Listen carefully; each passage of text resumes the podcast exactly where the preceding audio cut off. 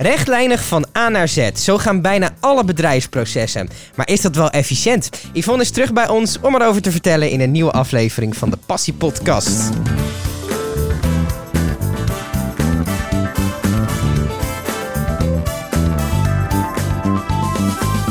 Yvonne, goed dat je er bent. Goed dat je weer terug bent bij ons. Ehm, vorige keer hadden we het over de AVG. Ehm, nu zei jij ehm, tegen ons, nou, ehm, je kan er nog niet zoveel over vinden. Dus je kan je niet zo goed voorbereiden. Maar ik ben met iets bezig. Vertel. Nou, ik ben met rond veranderen bezig. En wat eh, rond veranderen is, is eigenlijk wat je heel veel op dit moment ziet, is dat mensen in de, in de bedrijven voelen zich gewoon niet gehoord. Ja. En dat betekent dat ze niet gemotiveerd zijn en nou ja, hun werk soms gewoon op de automatische piloot doen. Vind ik een heftige uitspraak.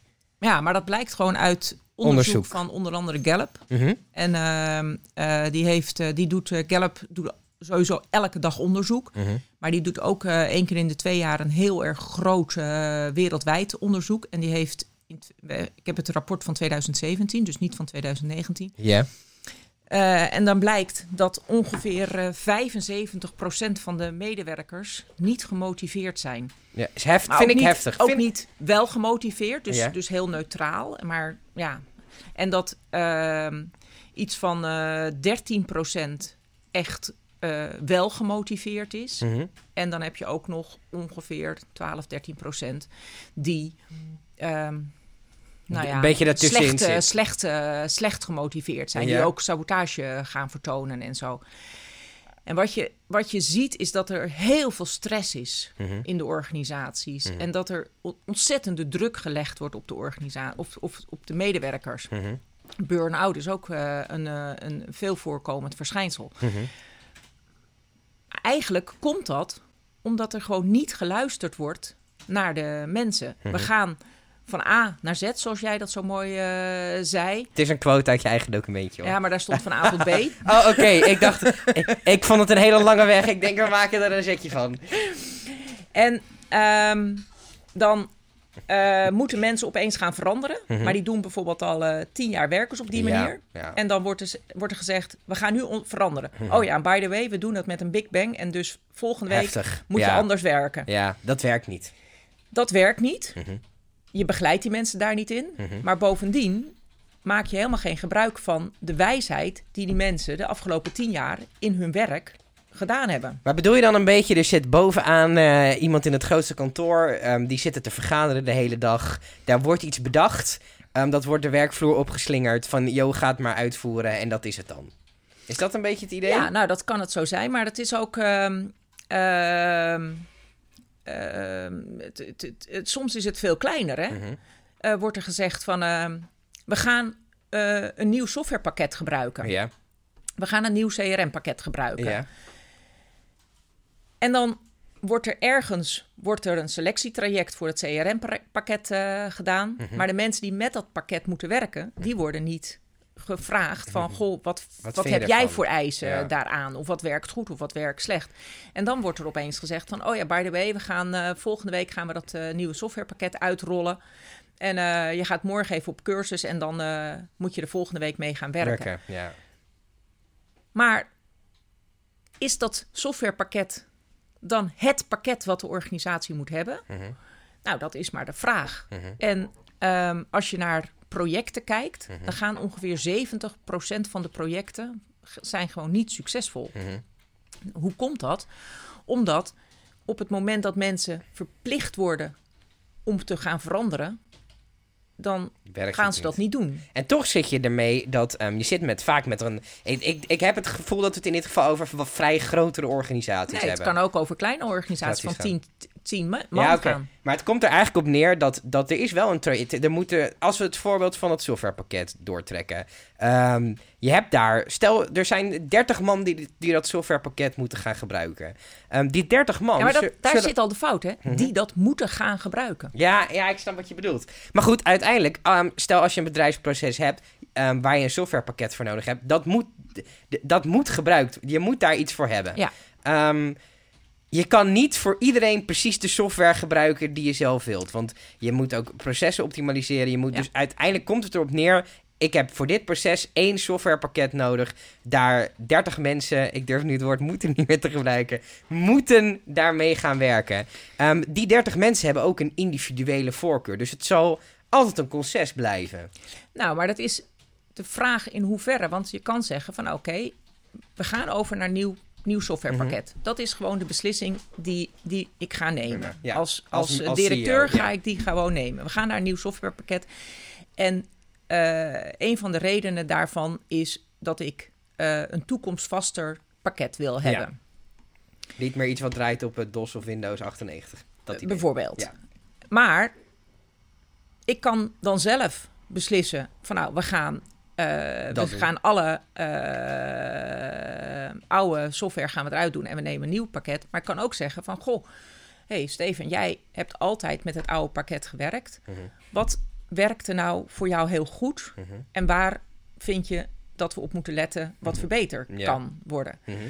Nou, dan zeg je van nou, ik, ik eh, vind het, weet ik veel, ik vind dat, dat werkt heel goed en dat moet ook in het oude pakket eh, of in het nieuwe pakket eh, terugkomen. Mhm. En het gaat er niet om dat al die 30 mensen iets zeggen. Het gaat erom dat alles wat die 30 mensen vinden gezegd wordt. Ja. En het kan dus best zo zijn dat jij zegt van nou, ehm, functionaliteit A, dat moet blijven behouden. En functionaliteit C, dat moeten we eigenlijk zien of we dat kunnen veranderen, vereenvoudigen of wat dan ook. Ja. Maar dan kan het zijn dat twee mensen dat exact hetzelfde vinden. Maar die hoeven dat dan niet nog een keer te zeggen. Nee. Want dan is het al gezegd. Ja. Dus het gaat er niet om dat iedereen wat zegt. Het gaat erom dat alles wat gezegd moet worden, Mhm. gezegd kan worden. En dat gebeurt vaak niet. Nee, Als we het voorbeeld even doortrekken, want ik vind het een mooi voorbeeld. Ehm, gebeurt het ook best wel vaak dat vanuit management een softwarepakket wordt gekozen... zonder dat er overlegd wordt met überhaupt de medewerkers die daar mee gaan werken? ja. En wat Maar je dan waarom dan? Nou, omdat. Ja, waarom, dat weet ik niet precies.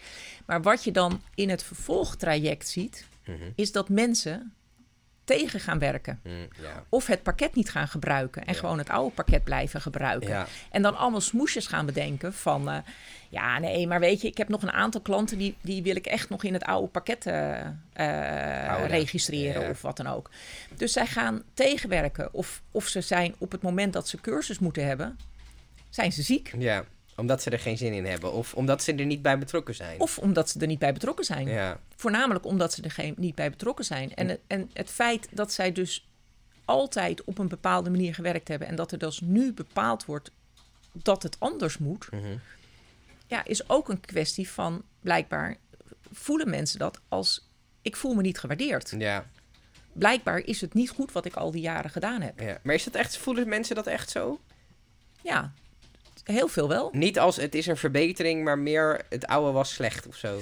Nou, je hebt natuurlijk je hebt mensen die het, die het altijd leuk vinden om nieuwe Iets dingen nieuws. te doen. Ja. En je hebt mensen die best nieuwe dingen willen doen. Maar Het is ehm, ook spannend. het spannend is. Ja. Er zijn mensen die ehm, ja, twijfelen aan hun eigen kunnen. Of zij wel mee kunnen met de ontwikkelingen die er zijn. Of met de vraag uit de markt. Ja. Of wat dan ook. Ja. En dan is het spannend. En dan is het makkelijker om Om daar maar... tegen, tegen weerstand te bieden. Ja. Dan ja, er open voor te staan. Maar als nou gewoon gevraagd wordt van... Vanmorgen hoorde ik dat nog. Ik was met, ik met iemand een gesprek. En die zei van ja, dan heb ik dus... eh, met de CEO heb ik besproken van nou, we gaan dit en dat doen. Mhm.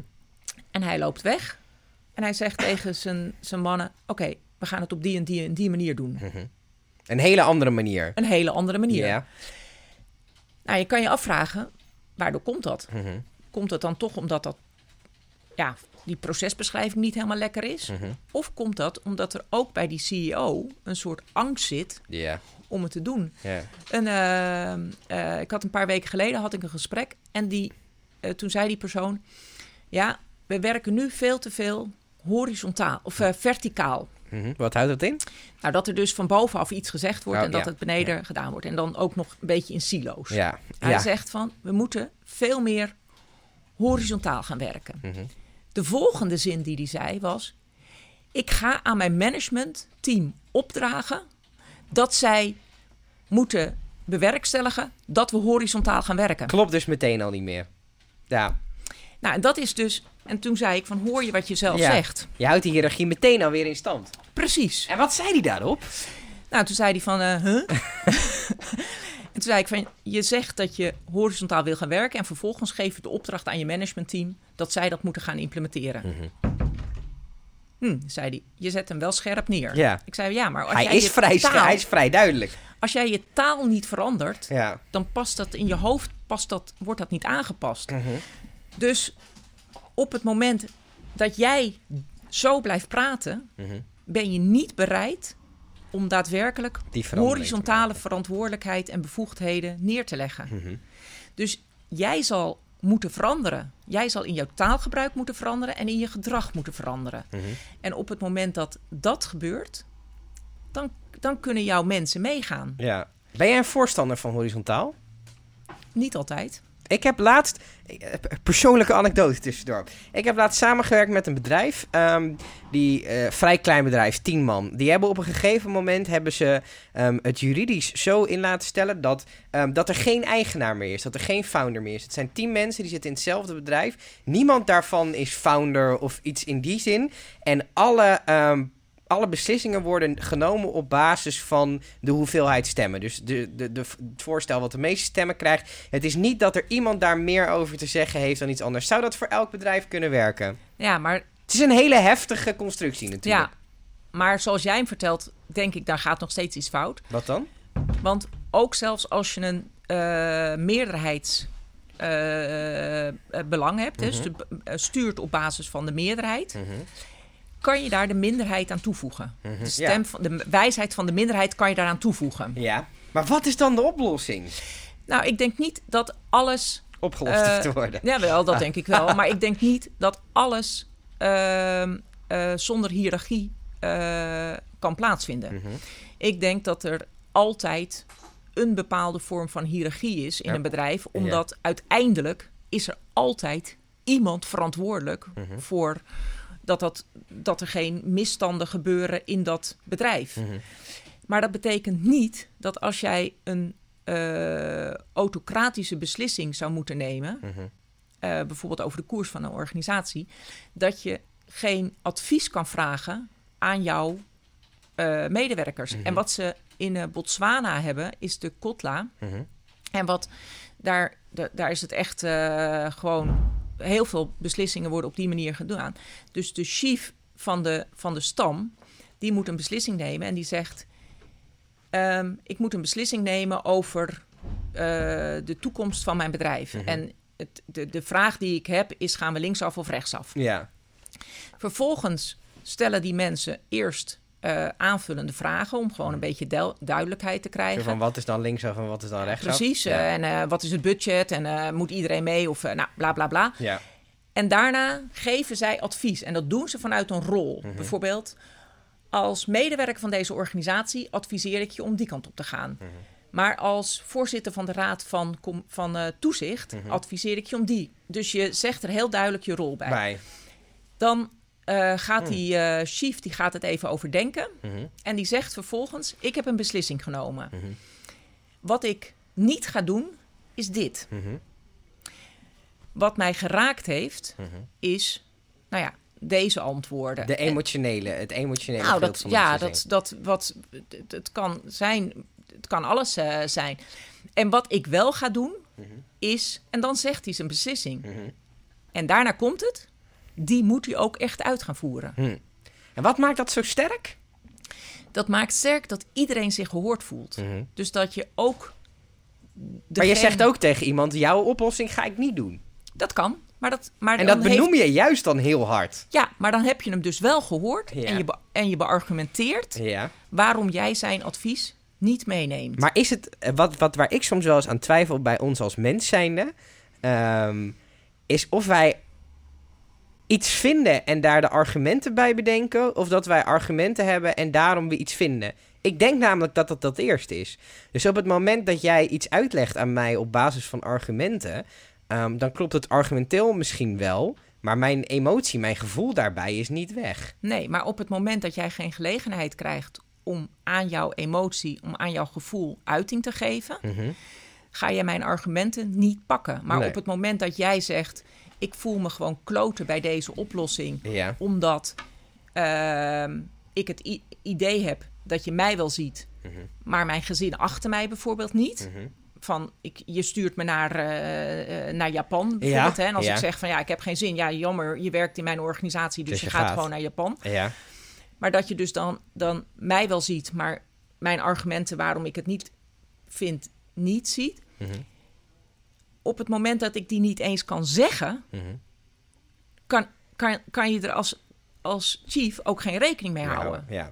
Maar op het moment dat ik ze wel mag zeggen en jij zegt vervolgens: Ik heb gehoord wat je zegt. Ik Mhm. weet dat het voor jouw familie eh, kloten is. Maar is het mogelijk dat jij toch naar Japan toe gaat voor twee maanden, maar dat jouw gezin in het midden van die twee maanden, twee weken mag komen? Op kosten zou van het de dan zaak. op kosten van de Ja. zaak? Zou dat het dan oplossen? Lossen, ja. ja, nou, dat zou het wel oplossen. Ja. Dus dan heb je, heb je uiting kunnen geven aan jouw emotie, waarom, waarom het schuurt. En ik heb als chief rekening gehouden met die emotie en toch heb ik mijn beslissing genomen. Klinkt van mij toch nog wel aardig van A tot B. Of Z. Of... Ja, maar dat, dat, dat kan. Want je, ik, eh, jij vroeg van, is het altijd eh, mogelijk Ja, om geen autocratische beslissingen te nemen? Nee, het is niet altijd mogelijk om Ja. eh, geen autocratische beslissingen te nemen. Maar je hebt ook eh, bijvoorbeeld sociocratie. Dat Mhm. is de, daar gaat, daar, dat gaat echt uit van, van de gemeenschap. Ja. En daar ehm, ehm, zeg je van, nou, ik, heb, ik, ik ben het met deze beslissing eens. Mhm. Of ik heb zorgen erover, of ik heb er bezwaar tegen. Mhm. Dat zijn de drie mogelijkheden. En op het moment dat ik bezwaar heb tegen een, een, een, een, een pad wat we moeten gaan volgen, Mhm.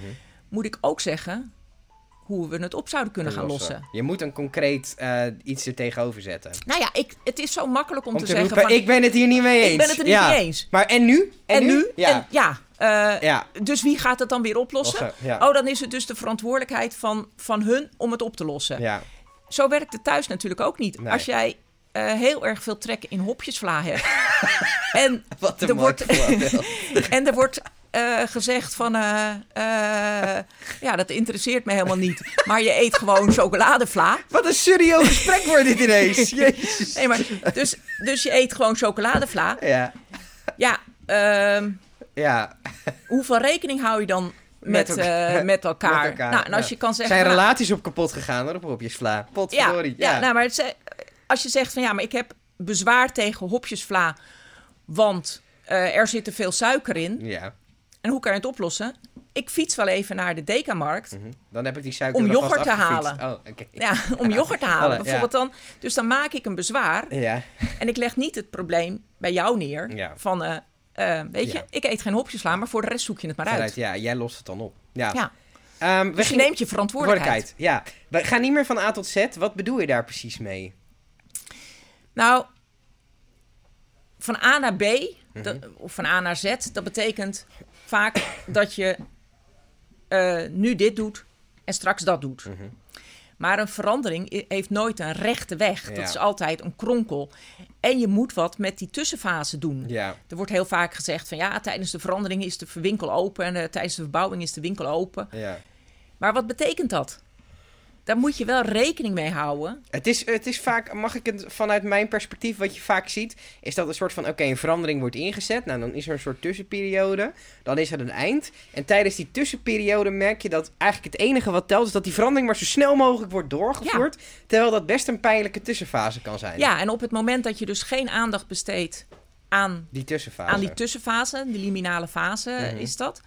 Ja, dan, dan gaat er heel veel mis. Ja. En je moet dus ook op het moment dat jij... ehm, stel je hebt een vriendin Mhm. en je eh, besluit te gaan trouwen. Ja.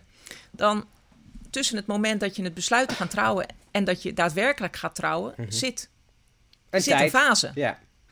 En wat we dan Bij sommige mensen zijn- duurt die best lang. Dat kan. Ja. Maar wat, we vaak, wat je vaak ziet, is dat op het moment dat ze besluiten te gaan trouwen, dat ze een soort feest. Dat kan ook met z'n tweeën zijn, Ja, hè? ja, Dat, ze- ja. dat ze markeren.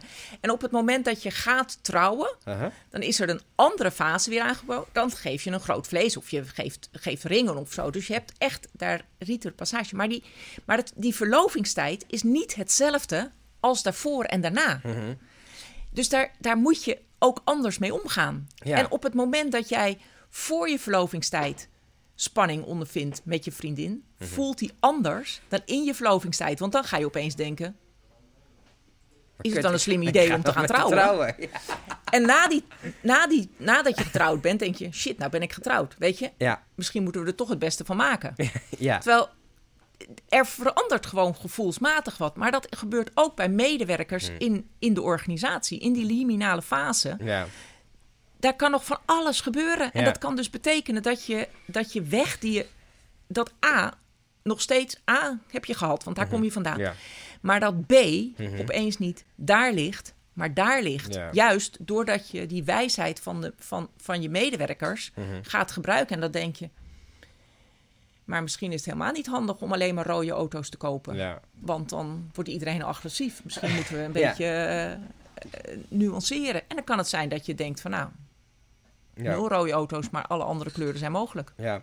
Als je gaat kijken naar bijvoorbeeld 20, 30 jaar geleden, ehm, dan was dit er helemaal nog niet, denk ik. Nee. Het, het hele idee van eh, we moeten goed omgaan met onze medewerkers. Eh, nou, kijk, goed omgaan met onze medewerkers in de zin van ze niet vermoorden of ziek maken, dat lijkt me wel logisch. Maar echt, echt van oké, eh, hoe gaan we ervoor zorgen dat mensen het hier leuk hebben, zich gehoord voelen? Dat is iets van de laatste tijd. Ja, maar weet je hoe ook de meest personeelsafdelingen heten?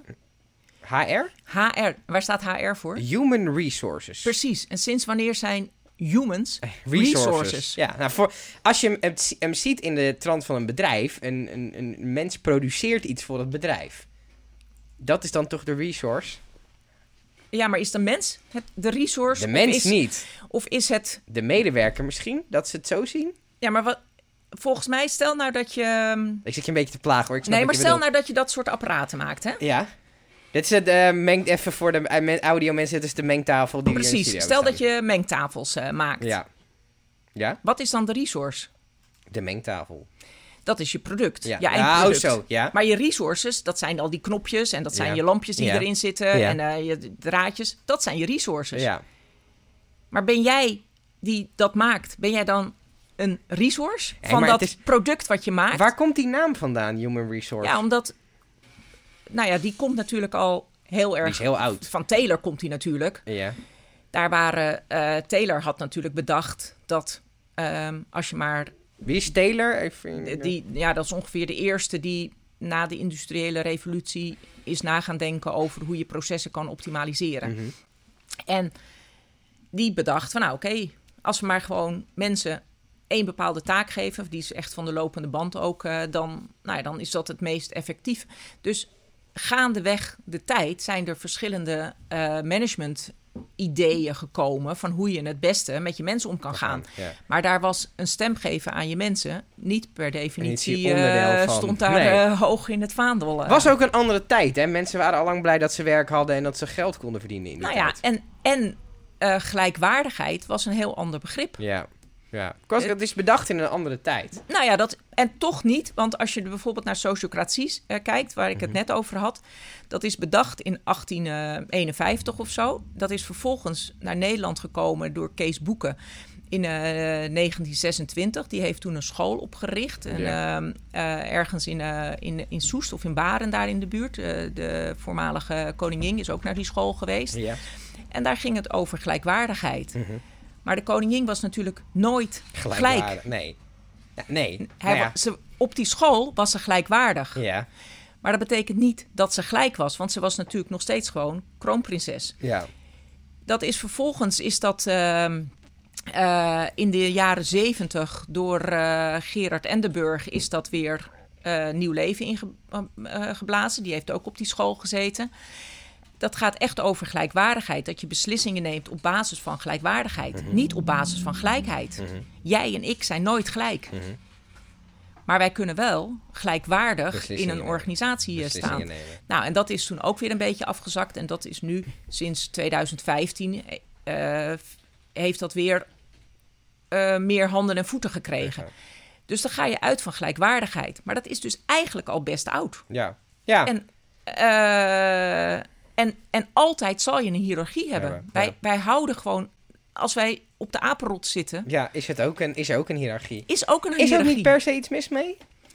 Nee, ik denk niet dat er eh, iets mis is met een hiërarchie. Wat je nu heel duidelijk hebt, is dat er zelforganisatie eh, is. Nou, Mhm. dat- dat is ook een beetje een, een hype en een modewoord. en ik denk dat er geen zelforganisatie kan zijn zonder dat je duidelijke kaders aan eh, geeft. En die kaders, die worden wel op een ander niveau bepaald dan op het niveau van de zelforganisatie. Mhm. Het is niet zo dat je je eigen kaders gaat eh, de kaders worden wel weer bedacht door iemand. Ja, maar Ja. dat kan ook helemaal geen kwaad zijn. Dat Nee. het, eh, het, het, eh, Iemand moet erover nadenken. Ja, wij, be- wij bedenken het kader dat je niet door een rood licht mag, Ja. mag rijden. Is in principe een prima kader, bedoel je?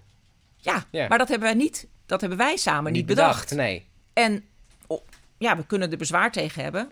Maar het is wat het is. Als ik door rood rijd en er staat een rood lichtcamera van de agent, ben ik lul. En terecht ook wel. En terecht. Ja. Ja. En, en eh, eh, als je door rood licht rijdt en je rijdt een auto aan en daar, daardoor is een kindje gehandicapt. Ja. eh, ja, terecht dat, Ja, je dan, terecht dat je dan, dat je dan schuldig bent. En de- want je hebt gewoon niet je verantwoordelijkheid genomen, om te zorgen dat anderen veilig blijven. Ook al heb je die kader zelf niet afgebakend. Nee, maar je kan er ook geen bezwaar tegen hebben. Nee, maar toch, als ik daar. ehm, het is wel mooi dat je hierover begint. Als ik vroeger kan herinneren, nog op de middelbare school was dat vooral veel. Ehm, dat is best vergelijkbaar met, je, met wat je nu noemt. Dan zeiden docenten altijd over bepaalde dingen, als je die niet gedaan had. Ja, maar dat hadden we afgesproken. Terwijl ik was in principe, kon ik niet tegen die afspraak ingaan. Ehm, Nee. Op de werkvloer wordt dat denk ik ook vaak gebruikt. Het is een beetje chantage soms. Hoe, hoe vaak heb je durven zeggen, hoezo hebben we dat Ik afgesproken? heb dat één keer durven zeggen en toen mocht ik meteen een gele kaart halen. Dus Ja, ik werd dat- er meteen op bestraft ook. Ja. Dat ik die discussie aan wilde gaan. Dat was wel grappig. Nou, wat had ik wel een naar pubertoontje op dat moment. Dus Ja, dat, ja. Maar eh, toen ik eh, eh, de cursus sociocratie deed, toen Mhm. vertelde de docent ver- vertelde een mooi voorbeeld. Die heeft dus twee kindjes thuis van vijf en zeven of zo. En ehm, op een heleboel dingen behandelt hij zijn kinderen gelijkwaardig. ja. Eh, dus die best, maar niet op alles. Nee. De financiële eh, huishouding. Kan je niet natuurlijk- verwachten van een kind van... Nee. eh, nee. Maar hij was wat te lang op de iPad. Ja. Dus die man en zijn vrouw hadden samen overlegd dat dat minder moest. Mhm. En zij hadden ook samen bedacht dat het twee uur mocht zijn, maximaal. Alleen, Met zijn kind samen. nee, dat had hij met zijn vrouw oh, samen met zijn vrouw. bedacht. Ja. Alleen dat had hij dus niet lekker gecommuniceerd naar dat kind. Terwijl Ja. ze het continu over gelijkwaardigheid hebben en eh, samen beslissingen Ja. nemen en zo. Dus toen zei hij van, eh, eh, kind, je moet wat minder op je iPad. Ja. Nou, zei dat kind, ik vind twee uur s morgens en twee uur s middags vind ik een prima iets. Ja. Nou, zei vader, Dat vind dat ik gaat het niet gebeuren. Nee. Het wordt twee uur per dag. Mhm. En dat kind dat flipte. Mhm. En die had gelijk. Ja. Want Het is niet beargumenteerd. het is, ja, maar je probeert het op gelijkwaardigheid te doen. Hij mag zijn argumenten geven, Mhm. maar je, gaat, je, je hoort dat niet eens. Nee. Dus je gaat er meteen met je eigen kader omheen. Terwijl je niet vraagt, waarom vind je dan dat je die twee keer twee uur nodig hebt? Precies. Ja. Dus dat kindje dat flipte en rende naar zijn kamer toe. En die vader die moest gewoon toegeven. Ik heb het niet goed gedaan. Gedaan. Ja. En dat is natuurlijk wat we in bedrijven ook heel vaak zien. Is, hé, hey, eh, gast, ga jij dat even doen? doen. Ja. En daarna, als je het niet gedaan hebt... We hadden toch afgesproken, Afgesproken, ja. dat je dat zou doen. En dat is dus heel erg fout. Nou ja, dat kan anders. Ja, dat kan anders. Dus eigenlijk zeg je, tuurlijk, er is een vorm van hiërarchie. Ehm, dat hoort ook in een bedrijf thuis. Maar zorg er wel voor dat, ehm, ook al neem je uiteindelijk de beslissing, dat in ieder geval iedereen zich gehoord voelt. Nou ja, en dat iedereen op het moment dat hij bezwaar heeft... dat bezwaar ook kan uiten. Ja, Maar dat je ook de verantwoordelijkheid bij iemand neerlegt... om dat bezwaar dan om te werken, Ja. zodanig dat Hoe gaan we het dan oplossen? Hoe gaan we dat dan oplossen? Ja, Nou, en dat, daar heb je natuurlijk, daar kan je eh sociocratie voor gebruiken, maar daar kan je ook eh deep democracy voor gebruiken. Maar bijvoorbeeld kampvuurgesprek, van wat ik net van die chief in Botswana uitlegde. Mhm. Ja, dat is gewoon een niet-democratische beslissing. Ja. Maar wel dat je iedereen hoort. Toch heerst er vaak bij bedrijven nog wel een soort angstcultuur. Van de mensen die hun nek boven het maaiveld ehm, steken en zich vaak ergens, of vaak, eh, die, die discussie aandurven te gaan, die worden er vaak het eerst ook uitgegooid. Ja.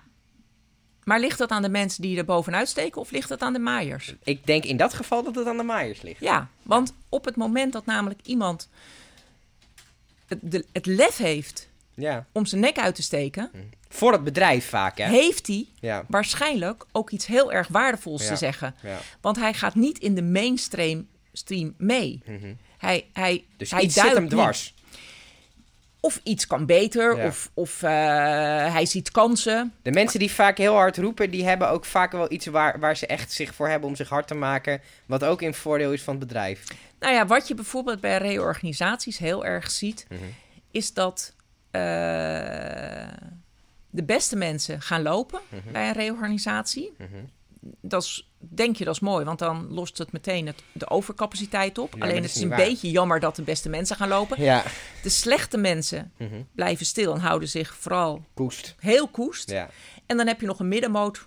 Nou ja, Die ziet het allemaal wel. ja. Ja. Maar dat betekent eigenlijk dat je dus van een organisatie die misschien, als je het in een cijfer zou uitdrukken, een 8,5 hebt. Mhm. Hè? Mhm. Je hebt geen team, want anders zou je Niet hoeven niet gaan reorganiseren. Dat je ehm, door niet naar de mensen te luisteren, na de reorganisatie en nadat de, de, de achters en de negens en de tienen gaan lopen, Mhm. misschien een organisatie heeft die nog Ja. maar een 6,5 is. Ja. Dus ben je dan beter uit? Nee. Of ben je er beter uit dat je tegen die 8 en de 9 zegt van... hé, hey, gast, hoe, hoe, hoe heb jij dat dan gedacht? Oh ja, dat is wel... Eigenlijk is Ja. dat wel constructief, is dat wel slim. Weet Ja. je wat, we proberen dat er gewoon in te doen. En dan ga je misschien van een 8,5 juist naar 9. Ja. Omdat mensen zich veel meer gehoord voelen.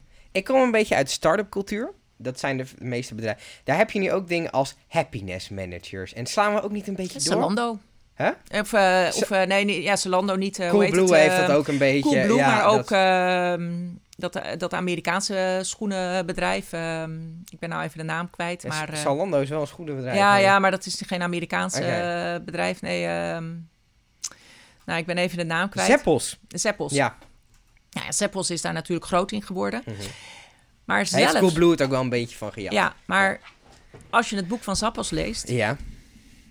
ook dan Mhm. is er toch ook een bepaalde vorm van hiërarchie. Maar is het dan niet marketing, dat hele happiness manager verhaal? eh?